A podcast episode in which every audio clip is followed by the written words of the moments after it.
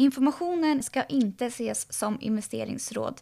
Tänk på att placeringar i värdepapper alltid medför en risk. Historisk avkastning är ingen garanti för framtida avkastning.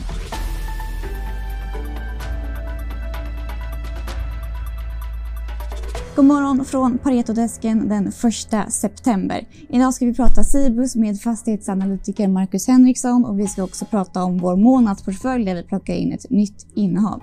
Men vi börjar i USA där S&P 500 igår bröt sin uppgång och eh, stängde igår på minus 0,22 procent. Men augusti blev ändå en rekordmånad på Wall Street. I Asien har vi under morgonen fått kinesisk PMI från Kaixin Market och som väntat så steg kinesiskt eh, PMI i augusti och nu är eh, industrin återigen på nivåer och aktiviteter som den var innan Corona pandemin. Asiatiska börser stiger svagt under morgonen.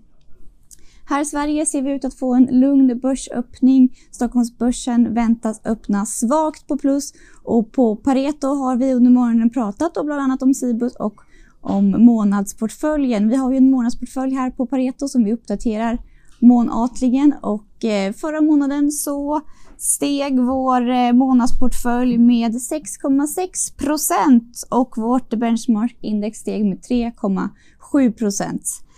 Och den här månaden så tar vi bort Dometic från portföljen och tillsätter istället Vicor Pharma. Och Cibus då? Jo, Marcus Henriksson, du höjer riktkursen idag till 160 från 162 från 150. Varför tycker du Cibus fortsatt ser köpvärt ut på de här nivåerna? Nej, men vi, vi tog upp den till, till köp i april och den har avkastat någonstans norr om 30 procent. Så det är klart att det är inte lika klockrent just nu som, som det var då. Men eh, så kan man väl säga generellt om, om börsen att det var mer klockrent i, i april än, mm. än, än vad det är nu. Då. Men eh, jag tycker det är ändå ett bolag där det det är svårt att få exponering mot den här typen av fastigheter i, i de andra bolagen. Framförallt eh, så renodlat som Cibus är. Det är livsmedelsfastigheter. Då. Eh, de flesta av de här portföljerna sitter på onoterade händer. Eh, AP-fonder etc. Så att dels är det ju det och det är väldigt stabila hyresgäster. I Finland då där man har ungefär 85 procent av sitt driftnetto. Där är det Kesko, Tokmanni, S-Group, starka hyresgäster. Sen gick man in då i i Sverige här i våras eh, köpte mm, en, en portfölj från Coop eh, som man har drygt 15% i Finland. Och även om Coop historiskt då har, har eh, strugglat lite så, så har det ändå stabiliserats under de senaste åren och jag tycker de har en tydlig strategi framåt här hur de ska växa. Då. Och dels var det att de köpte Lidls eh, fastigheter i, i Sverige. Då. Så att stabila, stabila, stabilt driftnetto från Sverige och Finland.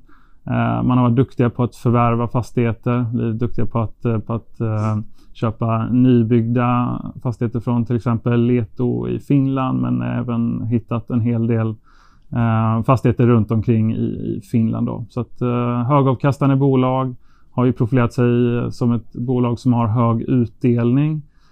Så jag tycker att det är ett ganska intressant komplement i antingen en fastighetsaktieportfölj eller i en aktieportfölj. Det defensivt men med tillväxt. Då. Så att, eh, den kombinationen är, är ganska intressant.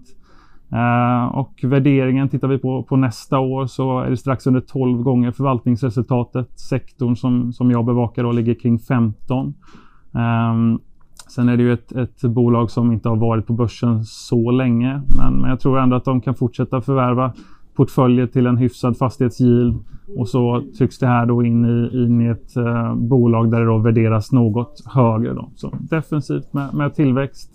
Eh, borde finnas en, en hel del till att, att hämta den här aktien då, även om det inte är lika klockrent som det var i april. Då. Mm, tack så mycket. Jag hör att aktiviteten börjar återgå här på desken så vi ska avsluta och vi önskar er en trevlig dag.